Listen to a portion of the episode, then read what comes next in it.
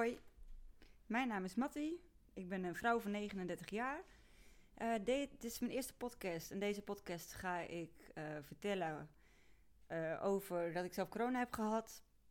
Vorig jaar maart. En hoe dat is verlopen qua gezondheid. En daarnaast wil, ik mijn, ja, wil ik gewoon delen hoe ik denk over de maatregelen. en de impact op langere termijn. En mijn bezorgdheid daarover. Dus om te beginnen, ik ben dus Matti, 39 jaar, uh, zeer sportief. Vorig jaar maart corona gekregen, uh, zonder test. Die waren er toen nog niet, maar 100% zeker corona. Want alle uh, symptomen die had ik. Um, het, gebeurt, ja, het ontstond, ik was druk bezig met trainen voor de triathlon. dus ik sportte veel, ik was nogal dun, ik, ik zit tegen ondergewicht aan. Dus mijn, of mijn weerstand was toen niet heel erg sterk, zeg maar. Dus in dat opzicht, ja, kan ik me voorstellen dat ik op dat moment besmet ben geraakt. Uh, het begon met brand op de borst. Dus ik denk, wow, wat, wat, wat voel ik? En nou, een beetje gewoon vervelend. moeite met ademen. Op een gegeven moment uh, steken tussen de uh, schouderbladen. Longontsteking. Um, ja, gewoon helemaal uitgeput, moe. geen stukje kunnen wandelen of lopen. Gelijk gewoon ademnood. Geen adem. Maar ja, dan denk je, ja, dan, het is wat het is. Dus hup naar bed. En de hond uitlaten, dat was eigenlijk het enige wat, uh, wat een klein beetje lukte. Als hij maar niet uh, vervelend was. Want ingrijpen kon ook niet, weet je wel. Want het was gewoon... Niks kon eigenlijk. Dus het was best wel een rotperiode. Net niet ziek genoeg om naar het ziekenhuis te, te gaan, gelukkig. Uh, nou ja, na een maand of zo... Toen ging het eigenlijk allemaal weer een beetje beter. Nou ja, een beetje beter in de zin van wel weer naar het werk gegaan op een gegeven moment. Maar eigenlijk wel uh, vanaf, vanaf dat moment echt op de overleefstand.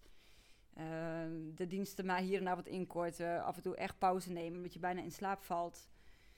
moeite met gesprekken voeren, want je adem die stagneert. het, was ook een beetje alsof ik gewoon geen signaal doorkreeg hè, van dat, dat ik moet ademen. Dus iedere keer dan kwam ik dat ik zit. Oh ja, ademen. Dus het was helemaal niet meer automatisch. Dus dat was wel een beetje gek. Toen ben ik op een gegeven moment wel begonnen met uh, fysio. Oh, eerst natuurlijk hè, ben ik bloedonderzoek laten doen, sportmedisch onderzoek. Ik wil begrijpen wat, is, wat gebeurt er nou in mijn lichaam? Wat is nou daad, daadwerkelijk zichtbaar aan de hand? Nou de longfoto, dat leek gewoon prima natuurlijk. Zoals bij de meeste. Het bloedonderzoek was wel een beetje anders, maar ook niet heel erg schokkend. Wel iets met uh, ja, de bloedlichaam, de bloed, witte bloedlichaampjes, die waren te hoog. Dus dat was wel zo. Maar dat was nog wel eens nog net. Ja, het was allemaal, was allemaal niet zorgelijk, laat ik het zo zeggen. Sportmedisch onderzoek kon ik gewoon vergelijken met het jaar ervoor. Want dat had ik toen ook gedaan. Dus dan kun je dat objectief naast elkaar leggen. En daar, ja, dat was gewoon de conclusie eigenlijk ook verstoorde ademhaling, conditieverlies. Maar nog wel steeds dezelfde maximale hartslag kunnen bereiken. Bij mij is dat 197. Uh, maar gewoon heel snel uitgeput zijn. Er een ja, krachtverlies. Dus het is een beetje vreemd. Maar gewoon echt zo van ja, vaag. Wat is er gebeurd? Wat, wat, wat is er aan de hand, weet je? En ik ben zelf nog wel iemand die snel uh, gelooft in psycho psychosomatische klachten. Helemaal als het gaat over chronische pijn. Dat heb ik ook zelf uh, zo ervaren met rugpijn. Die ik jarenlang heb gehad. Dus die heb ik echt kunnen oplossen door het in mijn hoofd anders te gaan uh, zien. Dus ik dacht, nou, dan is dit misschien ook wel gewoon een beetje psychosomatisch. Maar daar ben ik nog steeds niet, niet over uit hoor. Kijk, het is nu wel zo dat als ik sport, ik sport echt super, super weinig. Want de lol is er een beetje af. Omdat ik gewoon het liefst volle bak ga en uh, veel en, en elke dag en wielrennen en lekker hardlopen.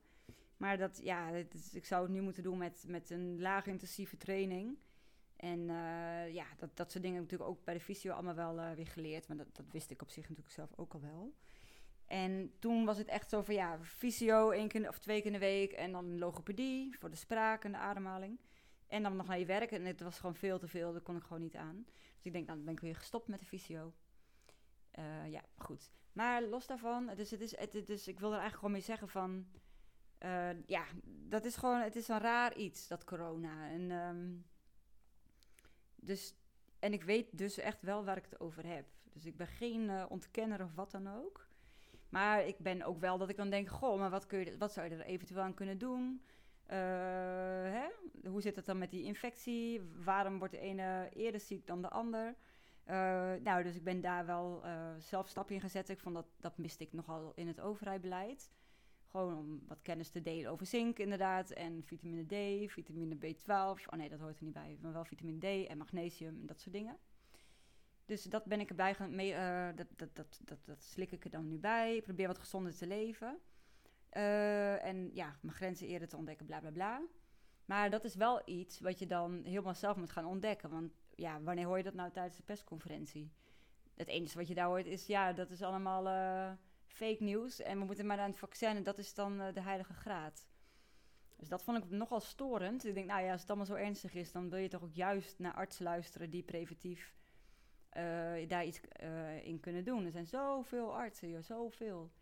Die, die daar gewoon hele goede onderbouwde ideeën over hebben. Maar goed, maar dat heb ik dan zelf maar wat gedaan. En nu, na uh, een jaar en iets langer dan een jaar, gaat het best wel goed. Maar ik heb mijn leven er denk ik ook wel een beetje op ingericht. Dus ja, ik, ik werk nu niet meer op de groep waar ik werkte in de zorg. Dus dat scheelt mij ook een hoop energie. Omdat ik dus nu voor mezelf ben begonnen, kan ik beter mijn tijd en energie uh, indelen. En ook het werk zoeken waar ik dus niet zo makkelijk op leeg loop. Dus al met al denk ik, ja, ik leef nog, ik leef nog steeds. Dus dat is op zich mooi. Maar goed, uh, maart, dus corona. Maar op een gegeven moment dacht ik wel van, hé... Hey, ja, ik bedoel, natuurlijk in het begin is iedereen in paniek... en je denkt iedereen gaat dood of, of wordt, weet ik veel, ernstig ziek. Maar na een tijdje ga je ook wel gewoon nadenken over... hé, hey, maar wat, wat, zijn de, uh, wat is de impact van die maatregelen? Dus vanaf april vorig jaar ben ik daar gewoon wat over gaan uh, opschrijven beetje delen op Instagram. Uh, daarin ook gewoon steeds maar weer leren van, oh ja, poeh, het roept een, hele hoop emotie op bij andere mensen. Het is blijkbaar heel beangstigend als je daar een andere mening op nahoudt. En ja, ik ben zelf redelijk goed in staat. Ik, ik heb best wel veel uh, manipulatieve situaties in mijn leven meegemaakt, waardoor ik daar veel over heb geleerd. En dus ook wat makkelijker uit kan zoomen en kan kijken naar het geheel. Van hé, hey, wat klopt hier wel, wat klopt hier niet. Maar ik heb dan ook gewoon heel veel tijd en interesse om dit soort thema's uit te zoeken. Dus ik heb uh, het afgelopen jaren heen echt onwijs veel gelezen en geluisterd. En nou ja, gewoon veel, veel, veel. Omdat ik dat super interessant vind. Dus, en ik snap ook heel goed dat heel veel mensen dat, daar geen tijd voor hebben, geen zin in hebben. Of daar gewoon helemaal niet aan willen. Omdat het misschien dan ook niet is wat je wil horen. Maar ik voelde dus nu wel uh, de behoefte om hier uh, ja, wat over te gaan delen. En dus is dit mijn eerste podcast en ik denk dat er nog wel heel wat meer gaan volgen. Um, dus ja, op een gegeven moment dacht ik van, hu, maar hoe moet dat dan? Dus ja, dan heb je een eigen zaak en dan moet je ineens dicht. Dat is nogal wat, weet je. De eerste wat ik dacht is, was van, nou, dan kan je dus blijkbaar gewoon geen eigen zaak hebben. Als je dus zo makkelijk gesloten kan worden nou ja, maar goed, dat zal dan nog wel. En denk je, nou, het zal wel tijdelijk zijn enzovoort. Maar iedere keer werden die maatregelen natuurlijk verlengd. En nog even volhouden. En nog heel even. En, uh, en, want anders dan ben jij verantwoordelijk voor dat iemand anders, dat jouw oma dan op de IC kan, weet ik het allemaal. En ja, het woord vaccin, dat heb ik denk ik een miljard keer gehoord dit jaar. En het woord preventie nul keer, nou ja, iets vaker misschien. En ja, weet je, het is, het is gewoon een opeenstapeling van dat ik elke dag van, huh? bedoel, ik snap het op het moment dat het zo ernstig is dat, je, dat het echt niet anders kan. Maar we zijn nu een jaar verder en we zitten gewoon weer een beetje. Eh, het lijkt wel gewoon een herhaling van vorig jaar. Hoe ze nou zitten bij die talkshows en alles. En dan denk ik van de schade die nu al is ontstaan, die is zo enorm groot. Alleen nog zo weinig zichtbaar. Dus dat is gewoon eigenlijk een beetje jammer. Want ja, ik had eigenlijk wel gehoopt dat heel veel mensen al ook in april dachten van... hé, hey, wacht, dan ga ik even in de gaten houden. Oh. En dat je dan op een gegeven moment, als de zomer voorbij is en het duurt maar en het duurt maar en het duurt maar... Ja, en iedereen krijgt wel een beetje een soort van worst voorgehouden van nog even. En uh, je krijgt steun, maar ja, die steun die blijkt in de meeste gevallen ook gewoon absoluut niet voldoende. Dus ja, dan ben je dus en uh, afhankelijk van de overheid, omdat je die steun hebt ontvangen. En daarnaast... Um, um, uh, ja, heb je of die steun ontvangen, moet je weer terugbetalen. Of je hebt hem ontvangen en je hebt er gewoon je schulden mee kunnen afbetalen. Maar dan heb je nog steeds heel veel schulden die je, omdat, je, omdat het gewoon te weinig is. Dus ja, het, voor mij is dat dan een beetje gewoon een soort van weggegooid geld. In heel veel gevallen, hè. Dus in sommige gelukkig niet. Maar ja, hoe, bedoel, dan krijg je die steun omdat je dicht moet. En dan moet je die steun gaan terugbetalen. Dat is toch gek? Toch, ik snap dat niet hoor. Nou ja, Dus ik, maar ja, ik ben dus best wel eh, wat uh, bezorgd sowieso om de polarisatie die uh, ontstaat. Ik merk dat ook in mijn eigen kring, eigen omgeving, de lading die erop ligt als je een andere mening hebt. hoe genuanceerd je die ook wil brengen, probeert te brengen, het is bijna onmogelijk. Want het is, ja, het is zoveel lading. En dus toen dacht ik van, hé, hey, misschien is een podcast wel een, een idee. En dan kan ik het gewoon lekker van me afpraten en want ik merk zelf ook dat ik het gewoon hartstikke lastig vind om het uit te leggen aan mensen die daar gewoon helemaal niks van snappen of, of daar helemaal niet over nadenken. Want dan denk ik, ja, hoor ik mezelf praten en dan denk ik, hu, laat maar. Dan kan ik het echt niet overbrengen, want dan uh, dat is echt twee werelden tegenover elkaar. Maar goed, waar ik me dan dus vooral zo bezorgd om maak, um, is ik geloof heel erg dat we in deze tijd ontzettend veel verbinding nodig hebben omkijken naar elkaar, zorgen voor elkaar. In plaats van met z'n allen allemaal afgesloten van elkaar en in ons eigen kokonnetje. Want dat zie ik gewoon een beetje gebeuren. Gewoon, natuurlijk is, dat, is, is er ook wel verbinding, maar dat, ik, ja, poeh. Uh, we worden gewoon allemaal verantwoordelijk gehouden voor hè, het feit of we wel of niet open mogen. Dus terwijl ik zie absoluut niet hoe wij, hoe, hoe kunnen ze dat nou zeggen? Want dat is gewoon niet, dat is niet realistisch. Want die maatregelen, die anderhalf meter, dat zal allemaal best wel zo kunnen helpen soms. Maar ja, buiten vind ik het al een beetje gek, want hallo, het is buiten. En uh, binnen is die anderhalf meter soms misschien wel te weinig. Als je in een verzorgingstehuis woont waar de luchtcirculatie niet, uh, niet uh, voldoende is. Of tenminste, waar, waar te weinig ventilatie is. Omdat er al zoveel bewijzen zijn dat het een virus is die dus door de lucht wordt verplaatst door middel van aerosolen. En die aerosolen kan je inademen. En hoe meer je ervan inademt, ja, hoe meer kans je hebt op dat het in je longen komt of waar dan ook. En dat je dus uh, de besmetting krijgt. Dus ik vind dat uh, best wel gek. En um, ja. Ja. Ja, joh, ik wil te veel tegelijk zeggen. Ik ga dat nu even afbakenen. Um, kijk, ik ben gewoon uh, dat ik denk, ja, we hebben toch ook een lange termijn ik heb zelf geen kinderen, dus ik hoef me daar geen zorgen om te maken. Maar dat wil niet zeggen dat ik me wel zorgen maak om alle andere mensen die wel kinderen hebben, maar gewoon over mensen in het algemeen ook. En dan zie ik daar nou niet echt een hele leuke toekomst uh, voor me, zeg maar, als het op deze manier doorgaat. Want het lijkt allemaal nog wel mee te vallen met de, met de, met de werkloosheid en de schade financieel. Maar dat is gewoon, uh, mijn inziens is dat niet de werkelijkheid. Want er is al zoveel geld in, in dit beleid gestoken en er is zoveel steun. En zoveel bedrijven die nog steeds dicht zitten, die het gewoon, ja, die kunnen niet meer open. Of die kunnen wel open, maar dan ook niet overleven of zo. Maar dat is zo'n bedreigende situatie. Dus het is gewoon te, ja. Ik denk dat veel mensen zich nog vastklampen en dan hopen dat het nog goed komt. Maar ik heb er een beetje een hard hoofd in. En dan denk ik van ja, dat je dan even gewoon in zo'n situatie verplaatst. Stel, je hebt dus gewoon een bedrijf, dat is een familiebedrijf of niet, maakt niks uit. Gewoon een bedrijf en dat zit helemaal je, je, je zielenzaligheid in. En je hebt er een leuk inkomen uit, je hebt een gezin en je hebt een mooi huis gekocht, hebt een hypotheek. Dus zit gewoon aardig hè, qua vaste lasten. Dat is gewoon ook wel een flinke, flinke wat vaak. En dat is vaak gewoon ontstaan doordat je op dat moment een bepaald inkomen hebt. En als dat dan zo meteen verdwijnt, omdat je bedrijf gewoon omvalt, en je dus misschien wel een andere baan kan zoeken. Maar ja, wie zegt dat dat dan ook een baan is met hetzelfde inkomen? Dat, die kans is niet zo heel erg groot, want iedereen zoekt zo meteen werk. Maar goed, en dan zit je dus in een financiële knel. En dan, hoe, maar dan denk ik, hoe gaat het dan verder? Als je dan je huis niet meer kan betalen. Of je kinderen uh, kunnen, weet ik veel, niet meer naar de sportclub of wat dan ook. Maar laat staan, bedoel, als je je huis niet meer kan betalen, waar, waar moet je dan gaan wonen? Dus ik, ja, ik denk altijd heel vooruit. Zo van, huh? En dan denk ik van, los daarvan, dat is dan gewoon een situatie. Maar mensen die eenzaam zijn, mensen die depressief zijn, mensen die jongeren die zelfmoord plegen. Uh, geweld wat in, hè, achter de deur gewoon toeneemt bij veel mensen. En ik, dan denk ik, jemig, de mag, Wat heftig allemaal. En de GGZ, ik bedoel, ik, ik snap, iedereen doet zijn best. Ik veroordeel ook echt helemaal niemand. Dat ga ik ook helemaal niet doen. Maar ik vind het wel een beetje zorgelijk... Uh, hoeveel uitgestelde zorg er is. Dus ook binnen de GGZ, maar ook dus natuurlijk in ziekenhuizen. Want ik bedoel, ik snap echt dat corona ergens en alles voor corona. Maar dan denk ik, moet dan alles kapot voor corona? Is dat dan, wat hebben we er dan mee gewonnen? Want dan is corona er nog steeds en dan is straks ook gewoon van alles nog wat uh, gesloopt. gewoon stuk, weg, kapot. En dan, maar dan corona is er nu toch ook nog steeds, terwijl het een jaar geleden... Ik bedoel, dus we zijn een jaar verder. En dan denk ik, de schade in de maatschappij is nu al zoveel toegenomen. En nog steeds is er, is, ja, weet, zitten we gewoon in een lockdown of soort van... En eh, met een avondklok die dan maar weer een 9 uur, dan weer tot 10 uur. Dat is allemaal heel apart. En ja, goed. En ik denk gewoon van, ik kan wel weer niks zeggen, maar ik ga, ik ga dat gewoon niet meer doen.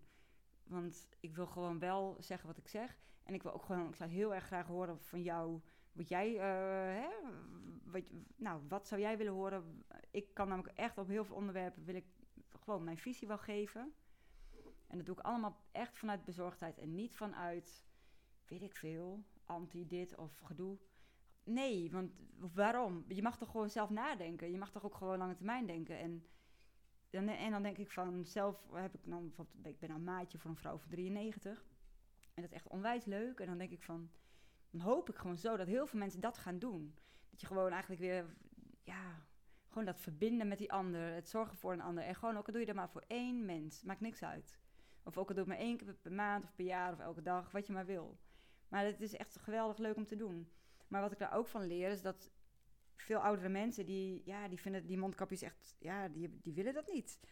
daar mag je helemaal niet binnenkomen met mondkapje. Die hebben zoiets van, ja, ik, ik, ik wil dat, weet je, en wat laten staan, die eenzaamheid. Denk je dat mensen daar zelf voor kiezen? Van nou, ik ben zo bang voor het virus, dus sluit mij maar op.